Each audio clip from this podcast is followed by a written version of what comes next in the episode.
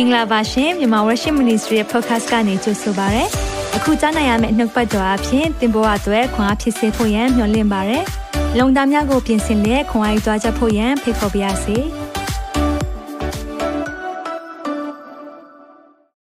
Good morning, good afternoon, good evening မလို့ရောက်စီတိုင်းကိုနှုတ်ဆက်တယ်ပထမဆုံးချိန်ကြည့်ရဆိုရင်တော့သင်ကိုအထူးကြိုးဆိုခြင်းနဲ့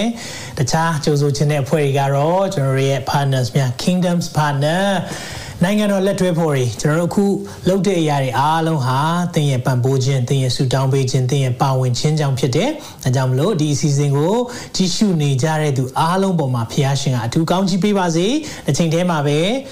မြန်မာ worship နဲ့လက်တွဲဖို့လည်းဖိတ်ခေါ်ပါတယ်။ဖခင်ရဲ့နိုင်ငံတော်ထဲမှာကျွန်တော်လှုပ်ဆောင်စရာတွေအများကြီးရှိတယ်။အချိန်ကသိမ့်မကြံတော့။ဘာကြောင့်လဲ။သခင်ပြန်လာတော့မယ်။ Maranatha come Lord Jesus. Amen. သခင်ပြန်လာတော့မယ်ကျွန်တော်တို့လှုပ်ဆောင်တဲ့အရာတွေ ဒီနေ့မှာပါ၍ဖျားရဲ့ဝိညာဉ်တော်ရလမ်းပြဖို့လိုတယ်။ဒါကြောင့်တန်ရှင်သောဝိညာဉ်တော်အကြောင်းကျွန်တော်လေ့လာသွားမယ်။အဒီစနေနေ့တိုင်းမှာဝိညာဉ်တော်အကြောင်းပြောသွားမယ်။ဗုဒ္ဓဟူးနေ့တွေမှာတော့ကျွန်တော်တခြားအာသရှင်သောဝိညာဉ်တော်နဲ့ပတ်သက်တဲ့မေးခွန်းများရှိခဲ့မယ်။ဒါမှမဟုတ်ရင်တခြားအကြောင်းအရာစိတ်ဝင်စားဖို့ရှိတဲ့အရာတချို့တွေမေးလာပါတယ်နော်။ Prophet အစ်စ်နဲ့အတူဘယ်လိုခွဲမလဲ။စသဖြင့်ဒါလေးတွေလည်းယုံကြည်သူများသိဖို့လိုအပ်တဲ့အရာတွေဖြစ်တယ်။တစ်ချိန်တည်းမှာတော့ ကိုယ်တိုင်နှုတ်ကပတ်တော်ဖတ်ရအောင်အာမင်ကိုယ်တိုင်ယုံကြည်သူမှန်တယ်ဆိုရင်အစအဆုံးတစ်ခါတော့ဖတ်ဖို့ရမယ်နော်ဓမ္မဟောင်းဓမ္မသစ်ကဘာဦးကျမ်းကနေဗျာဒိတ်ကျမ်းထိ66အုပ်လုံးတစ်ခေါက်တော့ဖတ်ဖို့ရမယ်ဘယ်နှယောက်ဖတ်ဖို့ပြီလဲ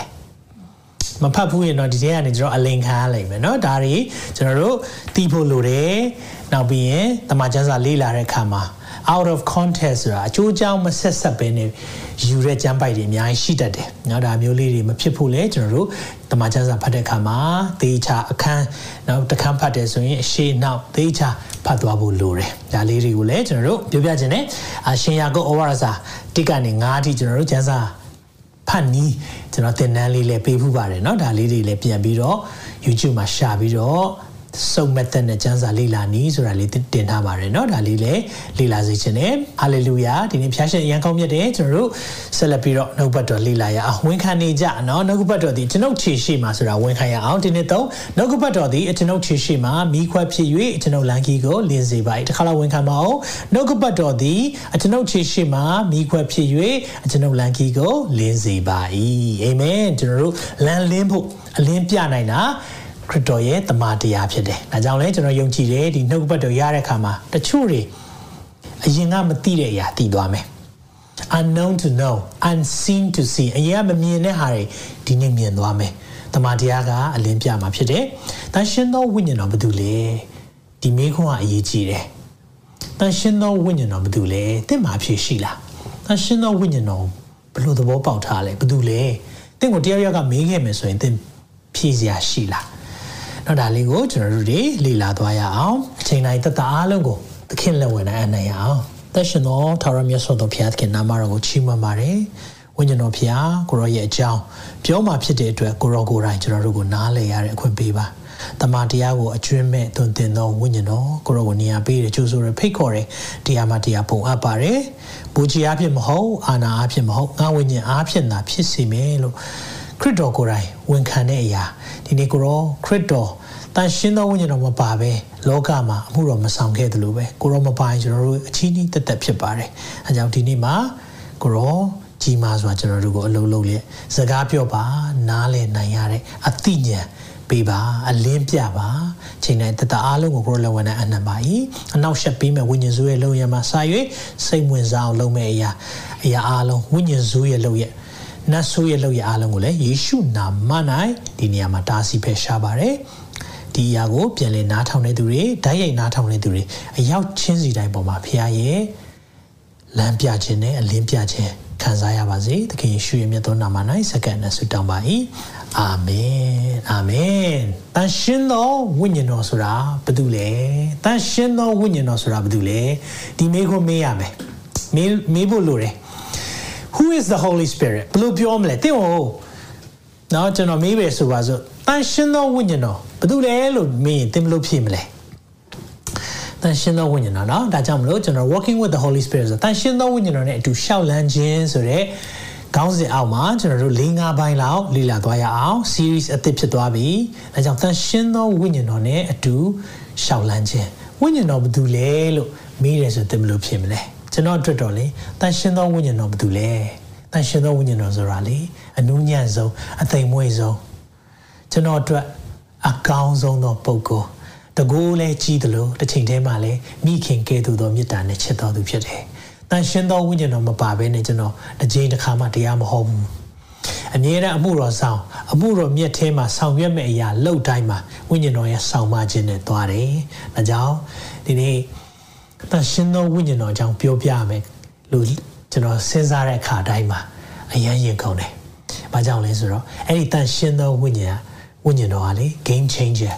သင်ဘဝကိုလုံးဝမှောက်လံပစ်တော်သူကျွန်တော်လည်းတန်ရှင်သောဝိညာဉ်တော်ကိုအလေးပေးတဲ့အသားပေးတဲ့အသင်းတော်ကကြီးလာတာဖြစ်တယ်။သို့တော့တန်ရှင်သောဝိညာဉ်တော်မသိခဲ့ရမသိခဲ့ ကျွန်တော်ဒါလေးကိုလည်းရှင်းပြခြင်းနဲ့ဒါကြောင့်မလို့ဒီနေ့မိခွန်းလေးတစ်ခုထပ်မေးခြင်းနဲ့အဲ့ဒါပါလဲဆိုတော့သင်တန်ရှင်သောဝိညာဉ်တော်ကိုသိတာလားတန်ရှင်သောဝိညာဉ်တော်အကြောင်းကိုသိတာလားမိခွန်းတစ်ခုเนาะအဖြေတစ်ခုပဲလို့ခြင်းတယ်မိခွန်းတစ်ခုမေးမယ်အဖြေတစ်ခုပဲလို့ခြင်းတယ်တန်ရှင်သောဝိညာဉ်တော်ကိုသိတာလားဒါမှမဟုတ်ရင်တန်ရှင်သောဝိညာဉ်တော်ရဲ့အကြောင်းကိုသိတာလားဒါမတူဘူးလားဆရာလုံးဝမတူဘူးလုံးဝမတူရှင်းပြမယ် ဟုတ်ပြီကျွန်တော်ကြော်ကြားတဲ့လူတွေเนาะကျွန်တော်တို့ဘောလုံးသမားပဲဖြစ်ဖြစ် celebrity ပဲဖြစ်ဖြစ်တော်ဝင်နန်းတော်ကမင်းသမီးပဲဖြစ်ဖြစ်เนาะသူ့ကိုဆိုရင်ကျွန်တော်တို့ကတိတယ်လို့တော်တော်များများပြောကြတယ်เนาะဒီမှာဘောလုံးပရိသတ်တွေဆိုရင်ရိုနယ်ဒိုတိလားဆိုရင်တိတာပေါ့เนาะတိတယ်เนาะဒီမှာတော်တော်အမျိုးသမီးတွေဆိုရင် Kate Middleton ကိုတိလားဆိုရင်အိုးတိတာပေါ့တိတယ် အဲ့ဒါသူ့ကိုတိတာလားသူ့အကြောင်းကိုတိတာလားနောက်မတူဘူးเนาะဆိုတော့ရိုနယ်ဒိုတိတဲ့လူတွေမေးကြည့်လိုက်ပါဦးမယ်ရိုနယ်ဒိုလက်ဆွဲနှုတ်ဆက်ဘူးလားရိုနယ်ဒိုအပြင်မှာတွေ့ဘူးလားရိုနယ်ဒိုနဲ့အတူနေ့လည်စာစားဘူးလားဒါမှမဟုတ် Kate Middleton เนาะမင်းသမီးနော်မင်းသမီးနော်တော်ဝင်မင်းသမီး Kate ဆိုရင်လူတွေကချစ်ကြတယ်ဆိုတော့သူအဝတ်စားလေးတွေကဘယ်လိုမျိုးဟာလားသူကဘယ်လိုမျိုးကိုနေထားရှိတယ်ဘယ်လိုမျိုး နော်သူ့အကြောင်းသိလိုက်မယ်သူမှာနော်သားသမီးဘယ်နှယောက်ရှိတယ်နော်ဘယ်လိုလုပ်တယ်ဒါပေမဲ့သူ့အကြောင်းသိတာ ਨੇ သူ့ကိုသိတာ ਨੇ မတူဘူးအဲကြောင့်တချို့တွေကအာဒေးဗစ်ကင်သိလားဆိုသိတာပေါ့ဒါဆိုပြောပြပါအောင်နော်ဆိုရင်အတွင်းကြကြမသိထားဘူးဆိုရင်ကျွန်တော်တို့ဒီမှာ online မှာเนาะအခု MWTV လွှင့်တဲ့ခါမှာနှစ်နှစ်ပေါ့ Gator Ministry စတာ9နှစ်ရှိပြီဆိုတော့ချိုးတွေကျွန်တော်သိကြတယ်ဒါပေမဲ့ကျွန်တော်အကြောင်းသိတာများတယ်ကျွန်တော်နဲ့ ကျွန်တော်ရဲ့အတွင်းရေးကျွန်တော်ရဲ့အထဲထိသိတဲ့သူအင်မတန်မှရှားလိမ့်မယ်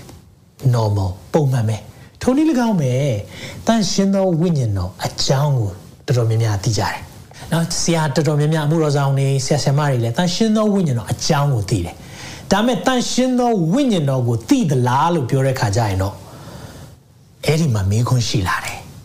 တန်ရှင်းသောဝိညာဉ်တော်ကိုသိလားဘလို့လဲဘလို့ပုံကူမျိုးလဲ ဘလို့မျိုးလဲဆိုတော့တန်ရှင်းသောဝိညာဉ်တော်နဲ့ယဉ်ဤကျွမ်းဝင်ခြင်းကိုကျွန်တော်တို့တွေငငယ်ကလေးကတော့တန်ရှင်းသောဝိညာဉ်တော်လှုပ်ဆောင်ချက်သူဘလို့မျိုးလှုပ်ဆောင်တယ်ဆိုတာသိတယ်ဒါပေမဲ့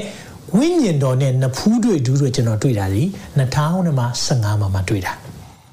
ဝိညာဉ်တော်နဲ့အဲ့ဒီအချိန်မှာကျွန်တော်ဘဝကိုပြောင်းပြန်လှန်ပလိုက်တယ်ဒီနေ့ အဲ့ဒီဝိညာဉ်တော်နဲ့ကျွန်တော်မိတ်ဆက်ပေးပါရစေကိုမသိတဲ့လူတယောက်တော့မိတ်ဆက်ပေးရတာသိခက်လိမ့်မယ်သူ့အကြောင်းပဲသိတယ်ဆိုရင်တော့မိတ်ဆက်ပေးဖို့ကိုကိုယ်တိုင်လည်းသိမသိဘူးလေနော်ဒါပေမဲ့သူ့ကိုအတွင်းကြကြသိတဲ့လူတယောက်ကမိတ်ဆက်ပေးတယ်ဆိုရင်တော့အင်ပဒါမှဒီအရာကတမိုးရှိတယ်ဒါကြောင့်ဒီနေ့လေကျွန်တော်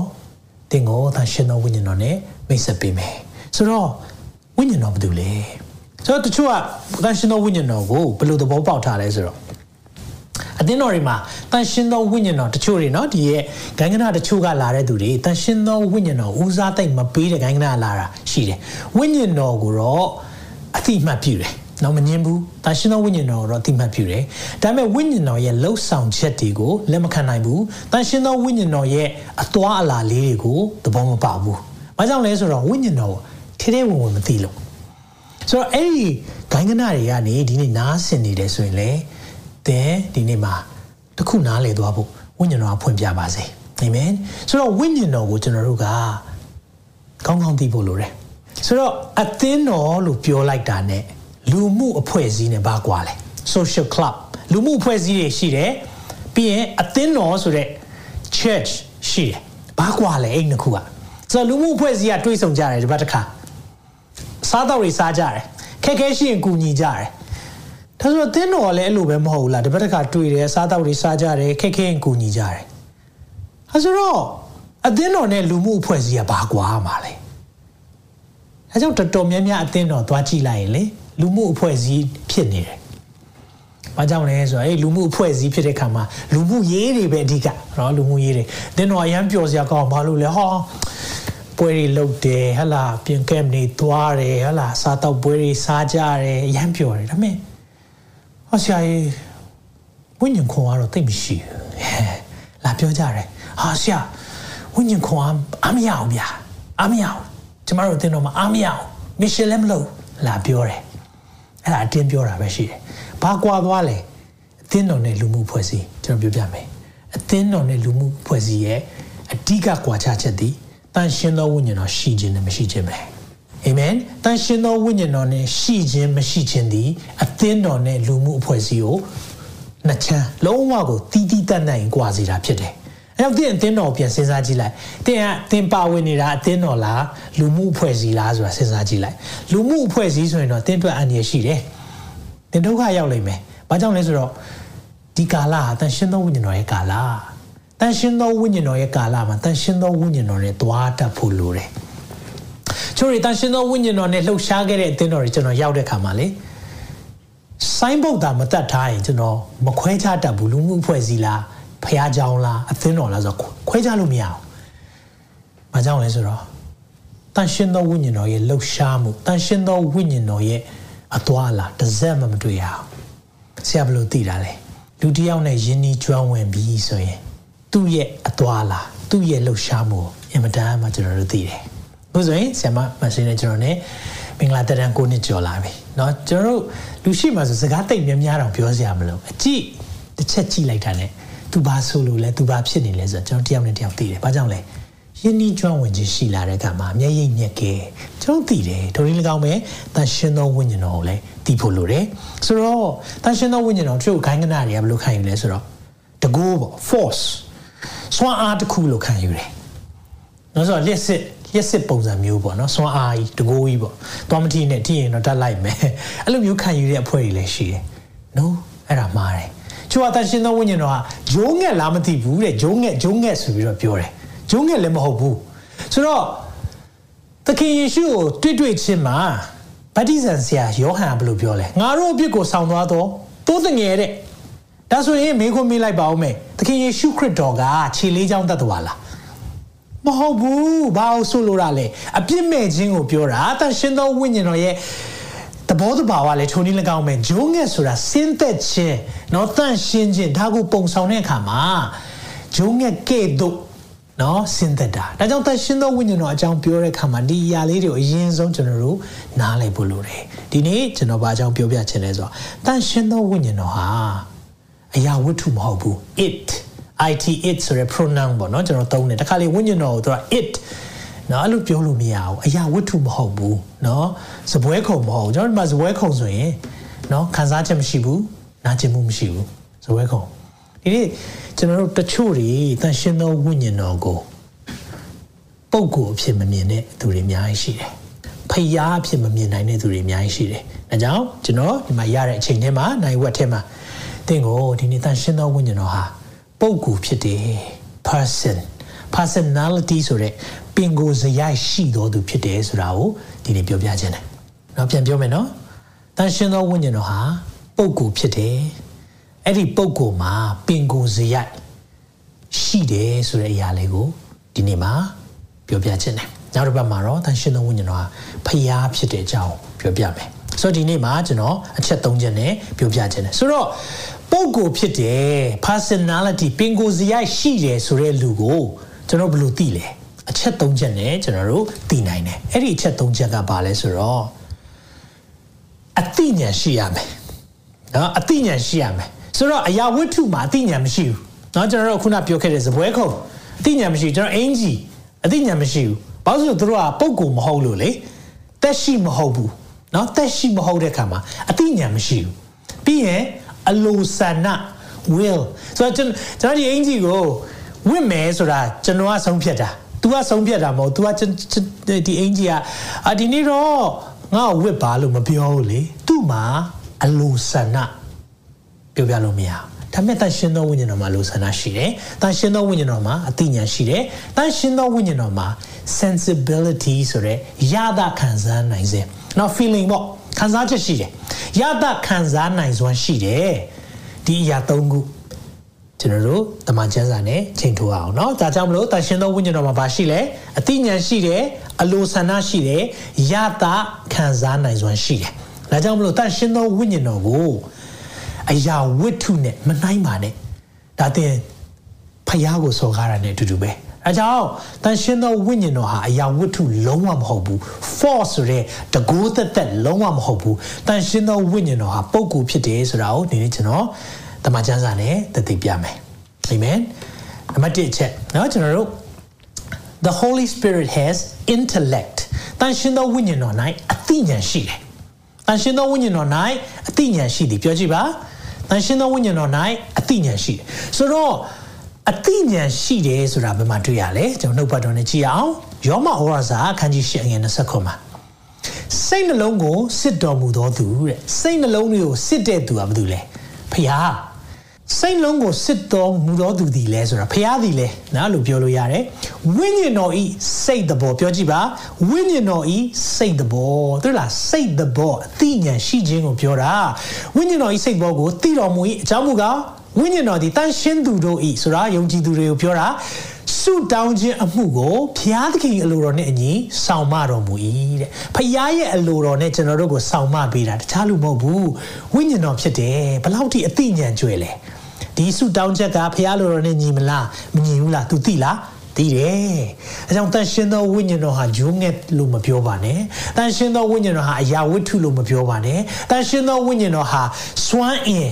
နော် energy လိုမျိုးမပြောပါနဲ့တန်ရှင်းသောဝိညာဉ်တော်ဟာပုဂ္ဂိုလ်ဖြစ်တယ်။ဘာကြောင့်လဲအသိဉာဏ်ရှိတယ်အသိဉာဏ်ရှိတယ်။ဒါကြောင့်ပုဂ္ဂိုလ်ဖြစ်တယ်ဆိုရင်ဒီလိုအသိဉာဏ်ရှိဖို့လိုတယ်။ဒါကြောင့်စိတ်နှလုံးကိုစစ်တော်မူသောသူသည်လည်းဝိညာဉ်တော်ရဲ့စိတ်တော်ကိုသိတယ်တဲ့။အာမင်။ပြီးရင်နောက်ကျမ်းပိုက်တစ်ခုပေးခြင်းနဲ့တစ်ကောအခန်းကြီးနှစ်အငယ်ကိုမှဒီလိုပြောပါရယ်။ ။ကျမ်းစာလာသည်နှင့်ညီဖျားသခင်ကိုချစ်တော်သူတို့အဖို့လုံကဖျားသခင်ပြင်ဆင်သောအရာတို့ကိုနော်ကျွန်တော်တို့အတွက်ဖျားပြင်ဆင်တဲ့အရာလူမျက်စိနဲ့မမြင်နားဖြင့်မကြားစိတ်နှလုံးဖြင့်မကြံစီသေး။နော်ဖျားပြင်ဆင်ထားတဲ့အသိများလို့လို့သိလှပသိကောင်းလို့ကျွန်တော်တို့တွေမျက်စိနဲ့လည်းမမြင်ဘူးနားနဲ့လည်းမကြားဘူးစိတ်နှလုံးနဲ့လည်းမကြံစီရသေးဘူးတဲ့။ဲ့မှာငွေ30လေးကျွန်တော်အာယုံဆိုင်စေခြင်းနဲ့ထိုအရာတို့ကိုဘုရားသခင်သည် မိမိဝိညာဉ်တော်အားဖြင့်ငါတို့အားဖော်ပြတော်မူ၏အဲ့မှာရှင်ပေါလုကပြောတယ်ဒီအရာတွေလူမျက်စိနဲ့မမြင်နိုင်တဲ့အရာနားနဲ့မကြားစိတ်လုံးနဲ့မကြံစီသေးတဲ့အရာတွေဖျားပြင်ဆင်ထားတယ်ဆိုတာငါတို့ကဘာသူပြောပြလဲဒီလားတန်ရှင်သောဝိညာဉ်တော်ပြောပြတာဘာကြောင့်လဲသိလားအဲ့ဒီမှာရေးထားတဲ့နောက်ဆုံးကြောင်းမှာဝိညာဉ်တော်သည် ဖျားသခင်ဤနဲ့နေသောအရာတိုင်အောင်ခတ်သိမ်းသောအရာတို့ကိုစစ်တော်မူ၏ဖျားသခင်ရဲ့နဲ့နေတယ်ဆိုတာ deep things about god တဲ့ဖျားနော်ဖျားကိုအရာအားကျွန်တော်တို့မသိနိုင်ဘူးလေဖျားရဲ့အတွင်းစိတ်ဖျားရဲ့လေးနဲ့ချင်းဖျားရဲ့ဖြစ်ချင်းကျွန်တော်အားလုံးနားမလည်နိုင်ဘူးဒါပေမဲ့အဲ့ဒါသိတဲ့သူတယောက်ရှိတယ်ဘယ်သူလဲတန်ရှင်သောဝိညာဉ်တော် ဆိုတော့လူရဲ့စိတ်ဝိညာဉ်ကလူအကြောင်းကိုသိတယ်လို့ပဲဖရာရဲ့စိတ်ဝိညာဉ်တန်ရှင်သောဝိညာဉ်တော်ကိုပြောတာဖြစ်တယ်အဲ့ဒါကဖရာအကြောင်းကိုအကုန်သိတယ်အကြောင်းဒီနေ့တော့တန်ရှင်သောဝိညာဉ်တော်ဟာအရာဝတ္ထုမဟုတ်ဘူးတန်ရှင်သောဝိညာဉ်တော်ဆိုတာဟိုယူးကြောင်ကြောင်ပေါ်ကြောင်ကြောင်မဟုတ်ဘူးတချို့တွေကတန်ရှင်သောဝိညာဉ်တော်ကိုစားပြုတဲ့လူတွေကယူးကြောင်ကြောင်ဖြစ်နေတာသူတို့ဝိညာဉ်တော်မရှိရင်လည်းယူးကြောင်ကြောင်တွေပဲနော်ဒါကြောင့်မလို့ဟာ they are weird เนาะကျွန်တော်ပြောချင်တာဝိညာဉ်တော်နဲ့တွားတဲ့ဖွဲ့တွေနည်းနည်းတတိထားအောင်တော့ဝိညာဉ်တော်နဲ့မတွေ့ခင်ကလည်းယူကြောင်ကြောင်ပဲเนาะအဲ့ဒါကိုသိဖို့လိုတယ်အဲကြောင့်ဝိညာဉ်တော်နဲ့ပြေးွားတဲ့သူသွားတဲ့သူယူကြောင်ကြောင်မဟုတ်ဘူးအင်းတင်နားလဲပါအဲကြောင့်တန်ရှင်းသောဝိညာဉ်တော်ရဲ့အသွာလာကိုတကယ်သိတဲ့သူတွေပေါ်ကြောင်ကြောင်တွေယူကြောင်ကြောင်တွေမဟုတ်ဘူးဒီနေ့ဝိညာဉ်တော်ရဲ့အသွာလာတကယ်သိတဲ့သူတွေတမန်တော်တွေเนาะတမန်တော်ဝတ္ထုဖတ်ကြည့်လိုက်ပါเนาะဒီရဲ့ကျွန်တော်တို့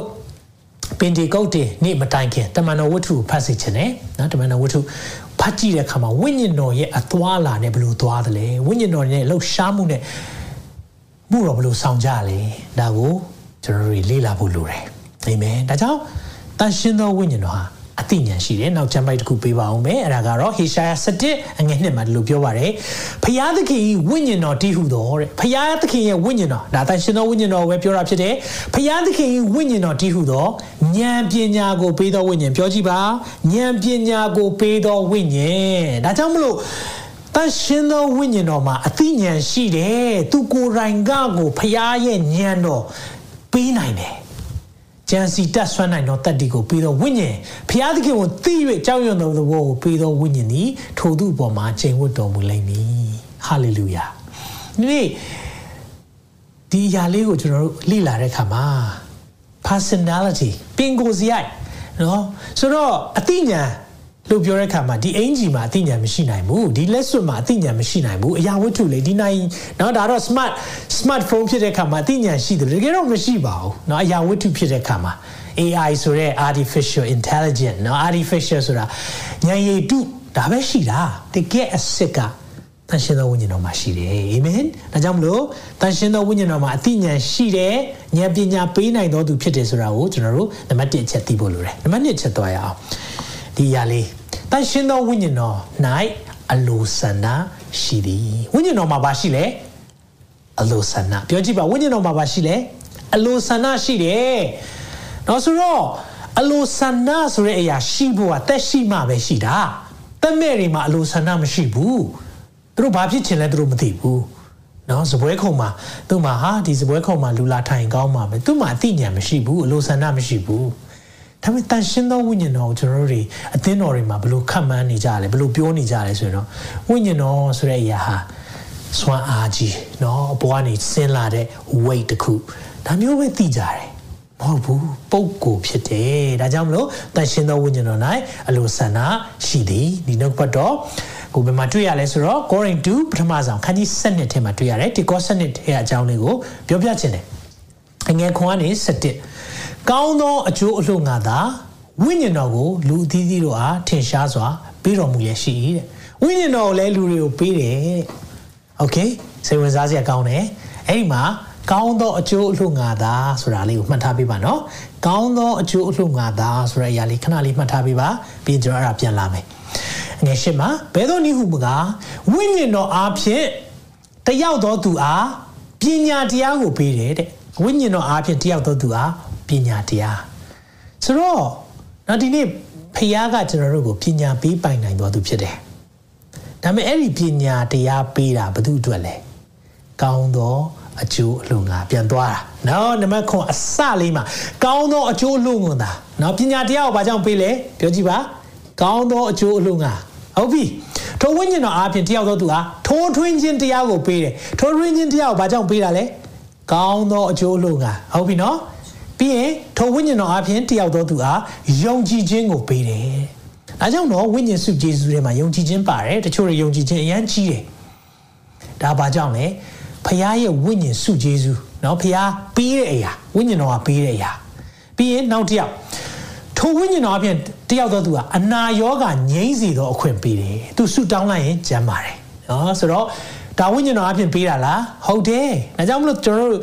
တက်တာပြောက်ကင်းတဲ့ တက်တည်ခံချက်တွေဘာကြောင့်မလို့ဒီမှာ worship ကိုရေးလာလဲဝိညာဉ်တော်ပေးတဲ့အချိန်မှာအနာရောဂါငြိမ့်တဲ့အခွင့်ရတယ်နောက်တစ်ယောက်ဆိုရင်တယောက်တော့သူကိုဗာပေးလဲတကိုးပြနိုင်တဲ့အခွင့်ပေးတယ်နောက်တစ်ယောက်ကို prophet ပြုနိုင်တဲ့အခွင့်ပေးတယ်နောက်တစ်ယောက်ကိုစိတ်ဝိညာဉ်တို့ကိုပိုင်းခြားနိုင်တဲ့အခွင့် discernment သိရေးကြီးတယ်နော်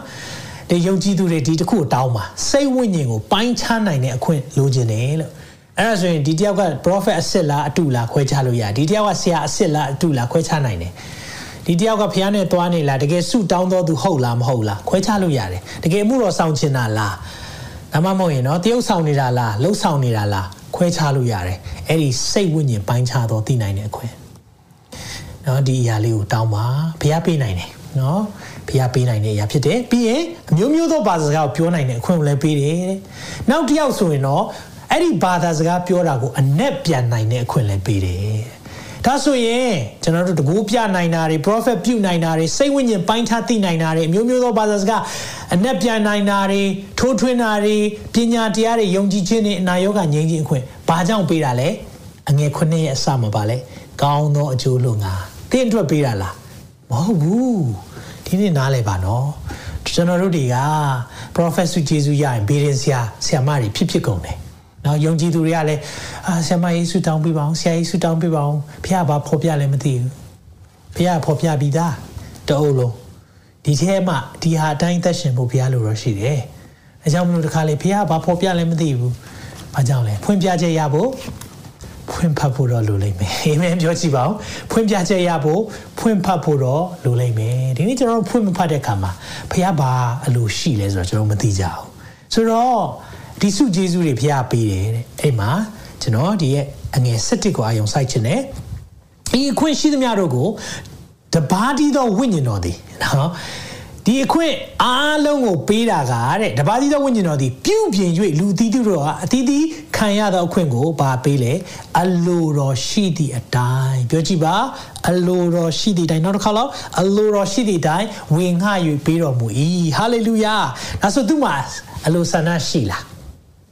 အရှင်တော်ဝိညာဉ်တော်မှာသူ့မှာဖြစ်ခြင်းတဲ့ဆန္ဒရှိလားရှိတယ်ဒါကြောင့်မလို့ဒီနေ့မှာနော်တန်ရှင်းသောဝိညာဉ်တော်မှာအလိုဆန္ဒရှိတယ်သူဆန္ဒရှိတဲ့အတိုင်းတယောက်ကိုပညာပေးတယ်တယောက်ကိုထိုးထွင်းနေရပေးတယ်တယောက်ကိုယုံကြည်ခြင်းပေးတယ်တယောက်ကိုအနာရောဂါငြိမ်းခြင်းပေးတယ်တယောက်ကိုတကူပြနိုင်တာပေးတယ်တယောက်ကို prophet ပြုနိုင်တဲ့အခွင့်တယောက်ကိုစိတ်ဝိညာဉ်ပိုင်းခြားသိနိုင်တဲ့အခွင့်တယောက်ကိုမျိုးမျိုးသောဘာသာစကားပေးတယ်တယောက်ကိုအဲ့ဒီဘာသာစကားဘာသာပြန်နိုင်တဲ့အခွင့်ပေးတယ်ဒါဆိုရင်ကျွန်တော်တို့ဘယ်ဟာလိုချင်တယ်ရွေးလို့ရလား မရဘူးသူရဲ့အလိုဆန္ဒလေတန်ရှင်သောဝိညာဉ်တော်ရဲ့အလိုဆန္ဒဟာလေလုယာဒါကြောင့်မလို့ဒီအရာတွေလိုချင်လားဘယ်တယောက်လိုချင်လဲဝိညာဉ်စုဂျေဇုတွေဒီလိုအရာတွေဘယ်တယောက်လိုချင်လဲဒါဆိုရင်ဘယ်သူ့ကိုတောင်းလို့ရလဲတန်ရှင်သောဝိညာဉ်တော်ဟာလေလုယာဒါကြောင့်ကြီးမြတ်တဲ့ဖခင်တန်ရှင်သောဝိညာဉ်တော်လက်ခုပ်တီးကုန်ပြုရအောင်ဟာလေလုယာဟာလေလုယာဒီတန်ရှင်သောဝိညာဉ်တော်စီမှာတောင်းလို့ရတဲ့အရာအများကြီးရှိတယ်ဒါဆိုရင်ကျွန်တော်တို့ကသူနဲ့ယဉ်နှင်းဖို့လိုလားလိုတာပေါ့ နော်ဒါကြောင့်မလို့အခုဒေါ်နယ်ထရမ့်နဲ့ယဉ်နှီးတယ်ဆိုရင်ဘာတောင်းမလဲနော်သူနဲ့ခင်တယ်သူက hey ကြိုက်တာတောင်းပါဆိုဘာတောင်းမလဲเนาะအမေရိကန်သမ္မတဂျိုးဘိုင်ဒန်နဲ့တွေ့လို့တခုခုတောင်းပါမြန်မာပြည်အတွက်တခုတောင်းပါဆိုသင်ဘာတောင်းမလဲဒီနေ့အဲ့ဒီဂျိုးဘိုင်ဒန်တို့ဒေါ်နယ်ထရမ့်တို့ထက်တာ၍ကြီးမြတ်တဲ့ဖရားရှိတယ်အဲ့ဒီတန်ရှင်သောဝိညာဉ်တော်တောင်းရင်မပေးဘဲနေမလားဟာလေလုယာဒါကြောင့်ကျွန်တော်တို့တွေဝိညာဉ်တော်နဲ့ အတူလျှောက်လန်းခြင်းပါဝိညာဉ်တော်ဘသူလဲဆိုတာအရင်သိဖို့လိုတယ်မိတ်ဆက်ပေးတာဒီနေ့ဒီအရာကိုသိသွားပြီပြီဆိုရင်သင်သူနဲ့အတူရှောက်လန်းခြင်းဘလို့သွားမလဲဘလို့ level နဲ့သွားမလဲ hallelujah အဲကြောင့်သင်ရှင်သောဝိညာဉ်တော်ရဲ့အထက်မှာအသိဉာဏ်ရှိတယ်သူဟာအလိုဆန္ဒရှိတယ်နောက်ပြီးရဲ့နောက်ဆုံးချက်သူ့မှာပါရှိလဲသင်ရှင်သောဝိညာဉ်တော်မှာရသခံစားနိုင်စွမ်းရှိတယ် feeling ပေါ့ sensibility ဆိုတာတော့နော် sense ရှိတယ် နော် sense ဆိုတာအာယုံအာယုံခံနိုင်တဲ့အရာကျွန်တော်စီမှာဆိုအာယုံ၅ပါးနော်အကြားတွေအမြင်တွေအရာသာခံနိုင်အာယုံအာယုံခံစားနိုင်တဲ့အရာရသခံစားနိုင်စွမ်းရှိတယ်။တန်ရှင်သောဝိညာဉ်တော်မှာဒီအရာတွေရှိတယ်။နှုတ်ပတ်တော်နဲ့ကြည်အောင်။ဟိဖတ်လေးငယ်30ကိုရင်ဖတ်မယ်နော်30ကိုတွားရအောင်။ရွေးနှုတ်ခြင်းနေ့ရက်တိုင်အောင်သင်တို့ကိုတစိ့ခတ်တော်မူသောဘုရားသခင်တန်ရှင်သောဝိညာဉ်တော်ကို ဘာပြောထားလဲစိတ်မနာစေကြနဲ့စိတ်နာတတ်တယ်ဝိညာဉ်တော်စိတ်နာတတ်တယ်တဲ့ဟာဒါဆိုရင်ခံစားချက်ရှိတာဗောရှိတယ်ဝိညာဉ်တော်စိတ်နာတတ်တယ်ယုံကြည်သူများဒီအချက်ကိုသိရင်လေတချို့လူတွေအတွက်ဒီနေ့မှအလင်းရမယ့်နေ့နော်ဒါဆိုရင်ဘလို့စိတ်နာတာလဲတန်ရှင်သောဝိညာဉ်တော်ဘယ်ချိန်စိတ်နာတာလဲဆရာ29နဲ့31မှာ31မှာအဖြေပါတယ် 29ကိုပြန်သွားရအောင်ညင်ညူးသောစကားတစ်ခုများတင်းတို့နှုတ်ကမထွက်စီနဲ့စကားကြမ်းနေညစ်ပတ်တဲ့စကားတွေပြောရင်ဝိညာဉ်တော်စိတ်နာလားစိတ်နာတယ်ဒါကြောင့် S word တွေ F word တွေကျွန်တော်ဖျားလူဟုတ်မဟုတ်ဆိုတာဒီအချက်တစ်ခုနဲ့ခွဲခြားလို့ရတယ်ဒါထိုးရင်းညံ့ညံဖျားပေးထားတာ ကြည့်လိုက်ရင်သိတယ်သူပါဇက်ကဘာတွေပြောတာများလဲเนาะဆူတောင်းတက်တဲ့သူ prophet ဖြစ်တယ်ဒါပေမဲ့ तू ပါစီစကားပြောနေလဲတစ်ချက်နားထောင်ကြည့်လိုက်ရင်အဲ့ဒီမှာပေါ်ပြီဆိုတော့ပြီးခဲ့တဲ့နှစ်တော်တော်များများတော့ဟာเนาะအမေရိကဘက်ကနေအာမူရဆောင်တယောက်ထွက်လာတယ်ဒါပေမဲ့သူ့ကိုတော်တော်များများသူ့နောက်လိုက်ကြတာပေါ့နော်လိုက်တယ်ဒါပေမဲ့ကျွန်တော်သူ့ရဲ့ page ကိုကြည့်တဲ့အခါမှာဆဲတဲ့စကားတွေတွေ့လာတယ်သူ့ကိုဝေဖန်လို့ မကြည်နပ်လို့ဆဲတာအဲ့မှာချက်ချင်းဝိညာဉ်တော်ဘုရားအေဖက်430 2930ချက်ချင်းပေါ်ပြတယ်ညင်ညူးတဲ့စကားပ ပြောလာပြီဆိုရင်ဒါဖះလူမဟုတ်တော့ဘူးညညူးရဲ့စကားတွေပြောလာပြီเนาะဒါကြောင့်မလို့ပါဇက်ကအစဲနဲ့เนาะပြောလာတဲ့လူတွေဝိညာဉ်တော်စိတ်နာစေနိုင်တယ်ဆိုတာပြောထားတယ်ဂျာနာတော်သူတို့ဤအချိုးကိုပြုစုစေခြင်းကတီဆောက်စရာဖို့ကောင်းသောစကားကိုသုံးဆောင်ပါတဲ့ ဒီဆောက်စရာကောင်းတဲ့စကားပဲပြောရမယ်တဲ့အဲ့ဒါပဲလားမဟုတ်ဘူး31မှာလည်းပါသေးတယ်ခတ်သိမ်းသောစိတ်တို့ချင်းဟာစိတ်တို့တဲ့သူတွေစိတ်ဆိုးခြင်းအမျက်ထွက်ခြင်းအော်ဟစ်ငေါငေါခြင်းသူတည်ပြောင်ပြောဆိုခြင်းတို့ကို၎င်းပါဇက်ပဲတွေ့လားကျွန်တော်ကြမ်းနေရတယ်တချို့တွေကဟိုးစိတ်တည်းရှိလို့ပြောတာမဟုတ်ပါဘူးနင်တို့ကိုဖြစ်စေခြင်းလို့ပြောတာကြားရတယ်နော်အကြီးတွေပြောတဲ့အရာတွေတက်ကြီးတဲ့မျိုးသမီးတွေဆိုရင်ခဏခဏအဲ့ဒါတွေပြောတာဆိုတော့ဆုံးမပေးမယ် လာပြောတယ်ဆုံးမပေးမယ်နော်တဲ့ဒီကျမ်းစာတော်အစဆုံးကောင်းအောင်နားမလဲတာမှုတော်ဆောင်တွေပြန်ဆုံးမတဲ့ဖွဲ့လည်းရှိတယ်ဆိုတော့ဆုံးမပေးမယ်နော်အဲ့ဒါတခြားမဟုတ်ဘူးအဲ့ဒီခတ်သိမ်းတဲ့စိတ်တူခြင်းစိတ်ဆိုးခြင်းအမျက်ထွက်ခြင်းအော်ဟင်းကောင်းငေါခြင်းသူ့အသေးပြောင်းပြောဆိုခြင်းဒါတွေပြောပြီးဟဲ့ဆိုရင်ဝိညာဉ်တော်စိတ်နာတယ်ဒါပဲလားနှစ်ပိုင်းရှိတယ် ခတ်သိမ်းတော့မနာလိုခြင်းအာစကားနဲ့မပြောဘူးเนาะမနာလိုခြင်းဆိုတာစကားမပြောဘူးတချို့ကပြောတယ်ဟာငါတို့ကပါဇက်မကြမ်းဆိုတော့ပါဇက်ကြမ်းတဲ့ဖွဲ့တွေဒါဆိုမနာလိုတာဘယ်ကလာလဲပါဇက်ကြမ်းစရာမလိုနှလုံးသားတွေကလာတယ်မနာလိုစိတ်ရှိလာပြီဆိုရင်အဲ့ဒါ jealous ဖြစ်လာပြီ Facebook ကြည့်တယ်ဟာဒီလောက်ငါတို့ဒီမှာမစားတောက်နိုင်တဲ့ချိန်ဒီဒီဒီဖွဲ့တွေစားတောက်နိုင်တယ် မနာလိုစိတ်ဖြစ်လာပြီ။ဩငါတရားဟောတာလောက်လူမကြည့်ဘူးဒီတရားကိုလူကြည့်တယ်မနာလိုစိတ်ဖြစ်လာပြီ။ဒါတွေကပါဇက်ကမပြောဘူးနော်ရေးလည်းမရေးဘူး post လည်းမတင်ဘူး။ဒါပေမဲ့ဖျားသိလား။ဖျားသိလား come on ယုံကြည်သူများဖျားကြားလားဘသူသိတာလဲ။တန်ရှင်းသောဝိညာဉ်တော်သိတာဝိညာဉ်တော်အကုန်သိတယ် ခမဲတော်ဖရားရဲ့အတွင်းစိတ်ကိုတောင်သိတယ်ဆိုတော့တင်းစိတ်တော့ပြောမနေနဲ့လေအကုန်သိတယ်တန်ရှင်းသောဝိညာဉ်တော်ကအဲ့လိုသိတဲ့အခါမှာစိတ်မကောင်းဖြစ်တယ်စိတ်နာတယ်စိတ်နာတယ်ဒါကြောင့်ဝိညာဉ်တော်စိတ်မနာစေနဲ့ဝိညာဉ်တော်စိတ်မစားခံစားချက်ရှိတယ်ခံစားချက်ရှိတယ်ဒီမှာတွေ့လာမသိမိတ်ဆွေအဲကြောင့်မလို့ဘာလုပ်ရမလဲဒါဆိုဘာလုပ်ရမလဲဝိညာဉ်တော်စိတ်မနာဖို့အချင်းချင်းအဲဆိုပြောမိတာတွေရှိတတ်လားတယောက်နဲ့တယောက် ရှိတတ်တာပေါ့စကားမှားတတ်လားမှားတတ်တာပေါ့32မှာဖြည့်ရှင်းချက်ပါတယ်ချင်းချင်းကျေးဇူးပြုခြင်းတနာဆောင်မဲ့ခြင်းဖျားသခင်ဒီခရစ်တော်ကြောင့်သင်တို့၏အဖြစ်ကိုလွှတ်တော်မူတဲ့ကဲ့သို့အချင်းချင်းအပြစ်လွတ်ခြင်းရှိကြလောခွင့်လွတ်ပါခါတီးနေတဲ့လူတွေခွင့်လွတ်ပါစိတ်ထဲမှာခွင့်မလွတ်နိုင်တဲ့အရာခရစ်တော်အသင်ကိုခွင့်လွတ်တယ်လို့ပဲခွင့်လွတ်ပါယေရှုပြုခြင်းတနာဆောင်မဲ့ခြင်းဆိုတာတော့တနာခြင်းအဖြစ် have mercy နော်ဂရုဏာထားပါခွင့်လွတ်ပါဒီလိုခွင့်လွတ်တယ်ဆိုရင်ဝိညာဉ်တော်စိတ်မနာအောင်ချီနှောင်ပြီးဟေးဆိုရင်စိတ်နာပြီခွင့်မလွတ်ဘူးဆိုရင်စိတ်နာပြီခါတိပြီဆိုရင်ဝိညာဉ်တော်စိတ်နာတယ်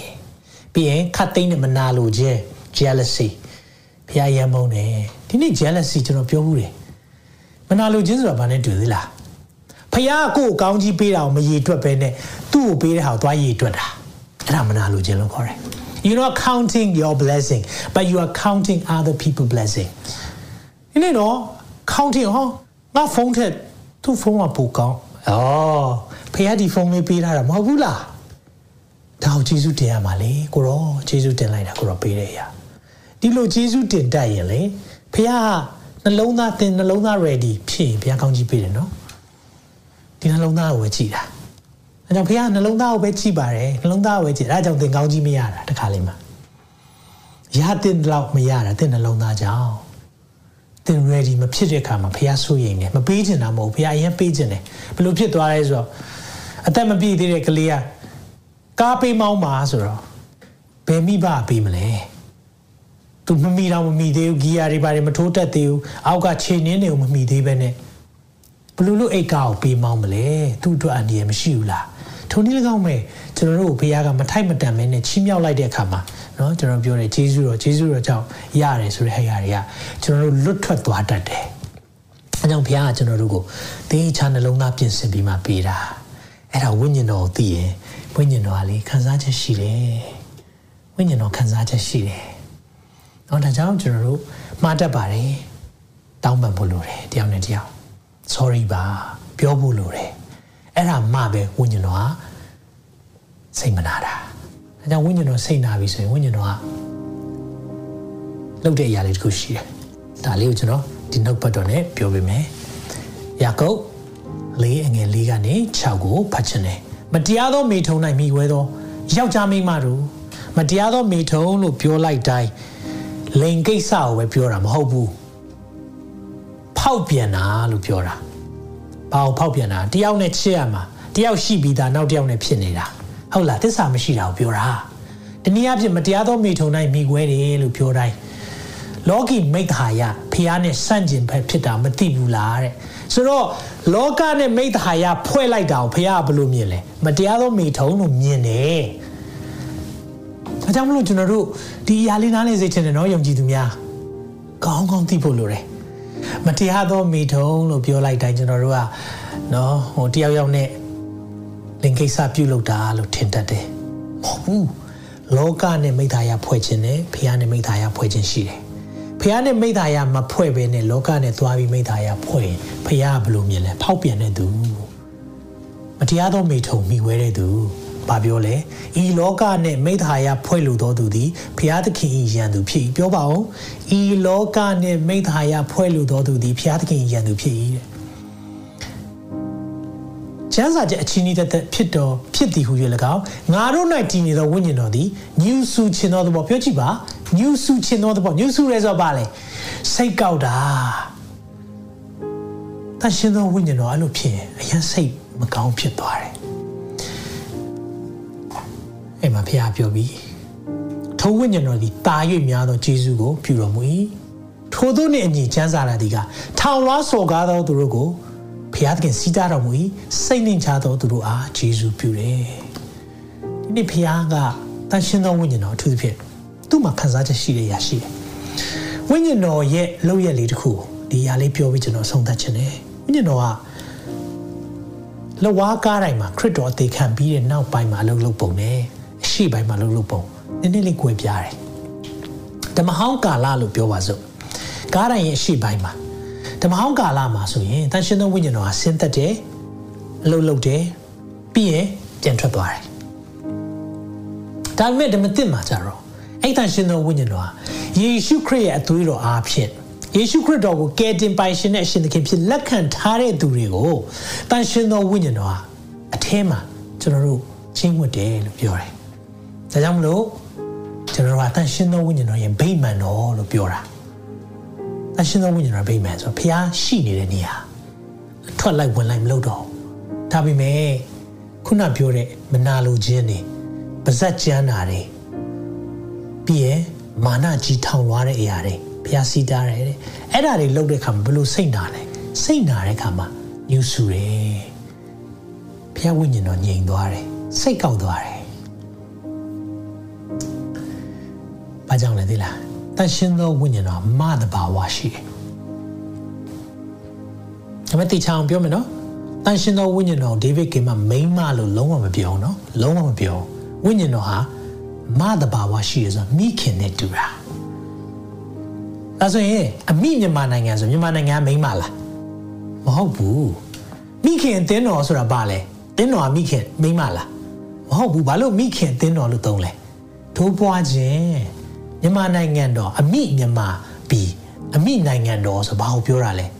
မိခင်တပွဲပဲတိုးပွားခြင်းအဲဒါရှင်သောဝိညာဉ်တော်ကမိခင်နဲ့တူတယ်မတဘာဝရှိတယ်ဆိုတာယုံကြည်သူများသိဖို့လိုတယ်ကျွန်တော်မိခင်ကိုစကားကြမ်းကြမ်းကျွန်တော်ပြောလို့ရလားမရဘူးအဖေရခံနိုင်တယ်ဒါမဲ့အမေကိုစကားသွားကြမ်းပြီးပြောရင်အမေရန်ဝမ်းနေတယ် ထုံနည်း၎င်းပဲတချို့အမျိုးသားတွေတန်ရှင်းသောဝိညာဉ်တော်ရဲ့အသွားလာကိုသိမသိဘူး။ဘာကြောင့်လဲဆိုတော့မတဘာဝကိုနားမလဲလို့ဆိုတော့အင်ရှင်မရဲ့သဘောတဘာဝကိုနားမလည်ဘူးဆိုရင်တော့သိကြရတယ်သင်သက်ရှင်သောဝိညာဉ်ရဲ့သဘောတဘာဝကိုနားလည်ဖို့ခက်လိမ့်မယ်။အဲကြောင့်ဆိုယောက်ျားတဘာဝနဲ့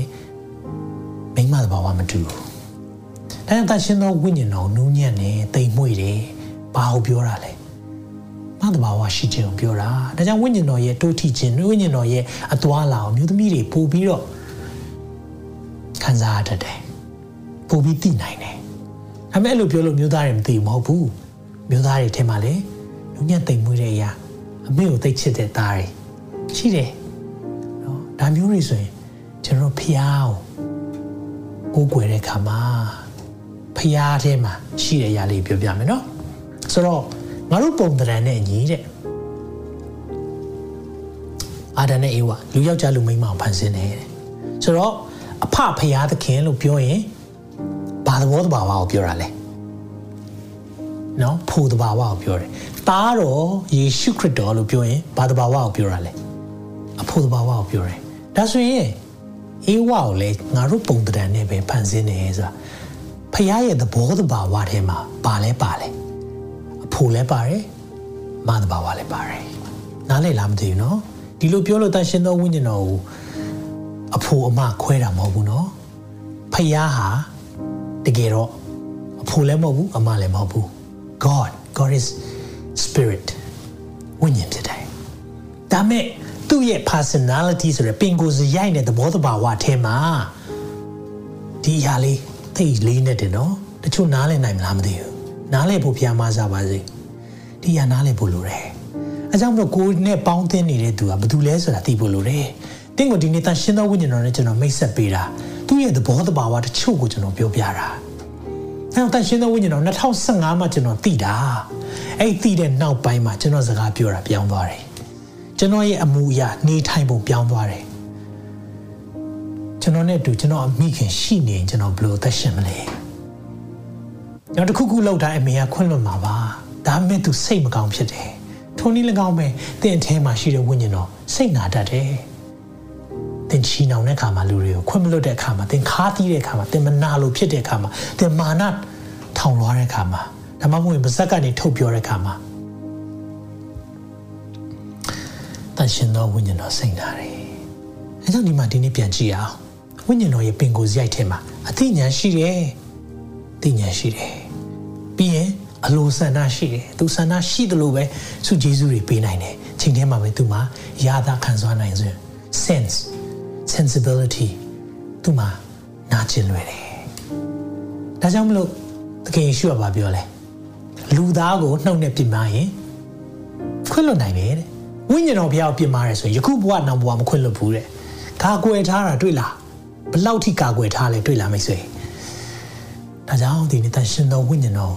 သင်ကိုဒီနေ့မိတ်ဆက်ပေးခြင်းတယ်ဝိညာဉ်တော်ဘုရားအနူးညံ့ဆုံးအသိမွေးဆုံးဒါပေမဲ့တစ်ချိန်တည်းမှာပဲလေအားကြီးဆုံးလည်းဖြစ်တယ်ဟေရှာယ40မှာရေများကိုလက်ဆွန့်ပြစ်ခြင်းတော်သူသမုဒ္ဒရာရေတွေကဘာစัจ java ဂျူရီအားလုံးကိုဖန်ဆင်းတဲ့ထဲမှာတန်ရှင်းသောဝိညာဉ်တော်ရဲ့လှုပ်ဆောင်ချက်ပါတယ်ဒါတွေအားလုံးကိုလှုပ်ဆောင်နိုင်တဲ့သူအနည်းဆက်ဆုံးပုဂ္ဂိုလ်တယောက်ပြောပါဆိုရင်အ နည်းဆက်ဆုံးပြောတာနော်ဒါဝိမင်းကြီးနဲ့တူတယ်စစ်တိုက်တဲ့ခါမှာဒါဝိမင်းကြီးကအင်မတန်မှကြောက်စရာကောင်းတယ်ဆွမ်းအားကြီးတယ် power ကြီးတယ်ဒါမဲ့နူးညံ့တိမ်မွေ့ခြင်းပိုင်းမှာလဲကိုရောကျွန်ုပ်စာရှောင်ခြင်းကိုကဲရကြပါသူဖျားရှိမှချိန်လုံးငူနေပြန်ရောတွေ့လားမသိဘူးနော်တစ်ချိန်တည်းမှာပဲနူးညံ့တိမ်မွေ့တယ်တစ်ချိန်တည်းမှာပဲအင်မတန်မှအားကြီးတယ်ဝိညာဉ်တော်လည်းထုံနေ၎င်းပဲတစ်ချိန်တည်းမှာနူးညံ့တိမ်မွေ့တယ်အယံကို တန်ရှင်တယ်တစ်ချိန်တည်းမှာပဲ mighty rushing wind ဒါကြောင့်မလို့ပင်တီကုတ်တွေနေ့မှာလာတဲ့ခါမှာလေပြင်းပုံတိုင်းကဲ့သို့လာတယ်တွေ့လားမသိဘူးမိတ်ဆွေအဲကြောင့်သင်ဒီနေ့သရှင်သောဝိညာဉ်တော်ဖျားကိုသိချင်တယ်ရချင်တယ်ဆိုရင်တခုလုပ်ဖို့လိုတယ်သိရကြည့်တာသခင်ခရစ်တော်ဖျားကိုကယ်တင်ပိုင်ရှင်တဲ့အရှင်သခင်ဖြစ်လက်ခံဖို့လိုတယ်သင်သရှင်သောဝိညာဉ်တော်ဖျားကိုလိုလိုချင်တယ်ဆိုတဲ့လူတွေဒီနေ့မှာသင်ဟာ ဘာသာကြားဖြစ်တယ်ဓမ္မမိတ်ဆွေဖြစ်တယ်ဆိုရင်လည်းသင်သရှင်သောဝိညာဉ်တော်အခုပြောပြတဲ့ပုဂ္ဂိုလ်သင်နဲ့အမြဲတမ်းတူသွားလာခြင်းတယ်ဟာလေလုယာတခုလို့ဖို့လိုတယ်သင်ဘက်ကနေသခင်ယေရှုကိုကယ်တင်ပိုင်ရှင်တဲ့ရှင်သခင်ဖြစ်လက်ခံပြီးတော့ကိုယ့်ရဲ့အပြစ်ကိုနောင်တရဖို့လိုတယ်အဲ့ဒီချိန်မှာတန်ရှင်သောဝိညာဉ်တော်ဘုရားသင်အထင်မှာရောက်လာနိုင်မယ်ဒီတိုင်းဆောင်ပါလိမ့်မယ်ပို့ဆောင်လိမ့်မယ်ဟာလေလုယာတချို့တွေယုံကြည်သူဖြစ်ပြီးပြီ ဒါပေမဲ့ဝိညာဉ်တော်ကိုမသိသေးဘူးဒီနေ့ကျွန်တော်တို့ပြင်အောင်တရဖို့လိုတယ်ဝိညာဉ်တော်စိတ်နာစေတဲ့အပြုမှုတွေအပြောဆိုတွေအကျင့်ကြံတွေလှုပ်ဆောင်နေသည်ဖြင့်ဝိညာဉ်တော်ရဲ့အလုပ်လုပ်ခြင်းသင်ဘဝမှာတွေ့ရမှာမဟုတ်ဘူးစိတ်နာတယ်အရှင်သောဝိညာဉ်တော်ကိုပြန်တောင်းပန်ရမယ်ကျုပ်မူတော်ဆောင်နေဝိညာဉ်တော်ရဲ့အသွားလာမသိတဲ့အခါမှာကဲ့ရဲ့တယ်ပြောဆိုတယ်ဝိညာဉ်တော်စိတ်နာတယ်သူရဲ့လှုပ်ဆောင်မှုတွေဝေဖန်တဲ့အရာပေါ်မှာတင်း တောင်းပန်ဖို့လိုတယ်။ဘာကြောင့်မလို့တက်တာအောင်ဒီနေ့ပြန်လဲအနိုင်ရအောင်ပထမဆုံးကျွန်တော်ဝိညာဉ်တော်လိုချင်တဲ့သူတွေဒီခရစ်တော်ကယ်တင်ပါရှင်နဲ့ရှင်သခင်မြင်ကျွန်တော်ဘဝကျွန်မဘဝကျွန်တော်ဘဝမှာလိုချင်ပါတယ်ဆိုတဲ့လူတွေပထမဆုံးဆုတောင်းပေးမယ်ကျွန်တော်နောက်ကနေယေရှုပြေလိုက်ဆိုပေးပါသခင်ယေရှုခရစ်တော်ဖျားကျွန်တော်ဟာအဖြစ်သားဖြစ်ပါတယ်ဒီကနေ့မှာအပြစ်အားလုံးအတွက်ဝင်ချတောင်းပန်ပါတယ်လက်ဝါးကတိုင်ပေါ်မှာ သခင်ယေရှုရဲ့အသေးခံခြင်းအသွေးသွန်းလောင်းခြင်းမြုပ်နှံခြင်းနဲ့ရှင်ပြန်ထမြောက်ခြင်းအဖြစ်ကျွန်ုပ်သည်ထာဝရအသက်ရကြောင်းဝန်ခံပါ၏သခင်ယေရှုနာမ၌ဆုတောင်းပါ၏အာမင်အာမင် very simple prayer ဒါပေမဲ့အဲ့ဒီရိုးရှင်းလာတဲ့ဆုတောင်းချက်တင်တောင်းနေဆိုရင်ဒီနေ့အရှင်တော်ဝိညာဉ်တော်ဟာတင်ထဲရောက်လာပြီ အရှင်တော်ဝိညာဉ်တော်အသင်ကိုဗိမာန်တော်ဖြစ်နေခြင်းတယ်ရှိသွားပြီဒါပေမဲ့ဒီချိန်ထဲမှာပဲအဲ့ဒီဗိမာန်တော်ဖြစ်နေပြီမဲ့ဗိမာန်တော်ညဉ့်ညမ်းစေတဲ့မတရားသောမိထုံနိုင်မိဝဲတဲ့သူတွေယုံကြည်သူတွေအတွက်လည်းဒီနေ့လူရချင်းဆုတောင်းပေးခြင်းတယ်သင်ရဲ့စကားကြမ်းတဲ့အရာတွေသင်ရဲ့နှလုံးသားညဉ့်ညမ်းတဲ့အရာတွေမနာလိုတဲ့အရာတွေအရာအားလုံးဒီဖျားရှိမှဝင်ချတောင်းပန်ပါဝိညာဉ်တော်စိတ်နာစေတဲ့အရာတွေအားလုံးဝင်ချတောင်းပန်ပါခ ဏလောက်ကျွန်တော်တို့ဆုတောင်းရအောင်ကိုယ့်ရဲ့တတော်ခဏလောက်ဆင်ခြင်ရအောင်တရှင်တော်ထာဝရမြတ်စွာသောဘုရားသခင်ဒီနေ့တရှင်တော်ဝိညာဉ်တော်နဲ့ကျွန်တော်တို့ကိုမိတ်ဆက်ပေးလို့ယေရှုတင်ပါတယ်ဖာကိုယ့်ရဲ့အတွင်းစိတ်ကိုပင်တည်တဲ့ဝိညာဉ်တော်ကိုကျွန်တော်ရထားတဲ့အတွက်ယေရှုတင်ပါတယ်သို့တော့ဝိညာဉ်တော်ကိုမသိတဲ့အခါမှာဝိညာဉ်တော်ရဲ့ပုံကူဖြစ်ခြင်းကိုနားမလည်တဲ့အခါမှာကိုရောပေါ်မှာစော်ကားမိပါတယ်ကိုရောပေါ်မှာ ပုတ်ခံမိပါတယ်ခန္ဓာစိတ်ဝိညာဉ်သုံးပါးနဲ့ပြမမိတဲ့အရာလုံးတော့ဝင်ချတောင်းပန်ပါတယ်မနာလိုတဲ့စိတ်တွေခွင့်မလွတ်တဲ့စိတ်တွေမာနထောင်လွှားတဲ့စိတ်ဓာတ်တွေအတွက်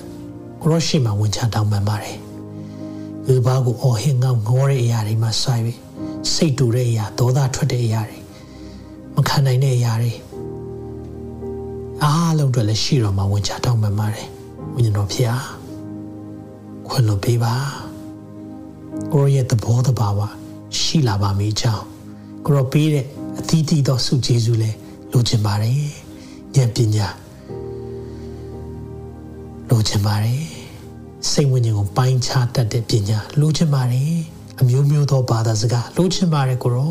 မျိုးမျိုးသောဘာသာစကားကိုအနက်ပြန်နိုင်တဲ့ခွင့်လိုချင်ပါတယ်အနာရောဂါငြိမ်းခြင်းဆုကျေးဇူး လိုချင်ပါတယ်တကူပြနိုင်တဲ့ခွင့် prophet ဉာဏ်လိုချင်ပါတယ်ကိုရောဒီနေ့ကိုရောဒီနေ့ကျွန်တော်တို့တောင်းလျှောက်ပါတယ်ဒီနှုတ်ပတ်တော်ခံယူနေတဲ့သားသမီးပေါ်မှာကိုရောအလိုတော်ရှိတဲ့အတိုင်းပဲအသီးသီးသောဆုကျေးဇူးကိုရောပေးပါဒီဆုကျေးဇူးကိုပေးတဲ့ရည်ရွယ်ချက်ကိုကလည်းကောင်းသောအကျိုးကိုအကျိုးလုံးငါသာဖြစ်ပါစေကိုရောကျွန်တော်တို့အကျိုးမဟုတ်ပါစေနဲ့ကိုရောဘုန်းတော်နာမှာတော့ထင်ရှားဖို့သာဖြစ်ပါစေကြောင့်ကိုရောဝိညာဉ်တော်ကိုပြန်လည်ပြီးတော့ ကျွန်တော်မိသားစုတွေကျွန်တော်ရဲ့ဘဝထဲမှာပြန်လည်၍နေရာပေးပါတယ်ကိုရောကိုပြန်လည်ပြီးအသင်းတော်မှာနေရာပေးပါတယ်ကိုရောရဲ့အသွာလာနဲ့လှုပ်ဆောင်ချက်များကိုနေရာပေးပါတယ်ကိုရောကျွန်တော်ရဲ့ဘဝရဲ့နေ့ရက်တိုင်းကိုလမ်းပြပို့ဆောင်ပါသခင်ယေရှုရဲ့မြတ်တော်နာမ၌စက္ကန့်နဲ့ဆုတောင်းကြပါ၏ အာမင်အာမင်အာမင်အာမင်ဟာလေလုယာကြီးမြတ်တဲ့ဖခင်ကိုဂုဏ်ပြုရအောင်ဟာလေလုယာသရှင်တော်ဝိညာဉ်တော်ဖခင်ကိုဒီနေ့ဂုဏ်ပြုရအောင်အာမင်ဖခင်သိချစ်တာဖြစ်တယ်သင်ကိုအဲကြောင့်မလို့ဒီကာလတန်ရှင်သောဝိညာဉ်တော်ကာလမှာတန်ရှင်သောဝိညာဉ်တော်နဲ့တွာလာသူများဖြစ်ဖို့ဘုရားလိုတော်ရှိတယ်။ကျွန်တော်ဆက်လက်ပြီးတော့နောက်သင်ခန်းစာတွေမှာလေ့လာသွားမယ်။အာမင်။ဖျာရှင်သင်ကိုကောင်းချီးပေးပါစေ။ဒါရဖျားသည်သင်ကို ကောင်းချီးပေးဆောင်မတော်မူပါစေတော့။ဒါရဖျားသည်သင်၌မျက်နာတော်အလင်းကိုလွှတ်၍ကြည့်နိုင်ဂျေဇုပြုတော်မူပါစေတော့။ဒါရဖျားသည်သင်ကိုမျှော်ကြည့်၍ချမ်းသာပေးတော်မူပါစေတော့။အာမင်ဖခင်ရဲ့ခြေဝါစွာသောကောင်းကြီးများတင်းနဲ့တင်မိသားစုပေါ်မှာတည်ရောက်ပါစေဝိညာဉ်တော်ရဲ့ဆောင်မခြင်းလမ်းပြခြင်းရှိပါစေသခင်ယေရှုနာမ၌ဆုတောင်းပေးပါရယ်အာမင်နောက်ထုတ်လွှင့်ချက်မှာပြန်လည်ဆုံတွေ့ပါအောင်မယ် တင်ခုလိုနာဆင်ခွန်အားနိုင်ခြင်းဟာမြန်မာ Worship Ministry ကိုလာဆင်ပန်ပိုးနေကြတဲ့ Kingdom Partners များအကြောင်းဖြစ်ပါတယ်။ဖျားခင်နိုင်ငံတော်ကျယ်ပြန့်ရေးအတွက်လာဆင်ပေးကမ်းပောင်းဖို့ရန်ဖိတ်ခေါ်လိုပါတယ်ရှင်။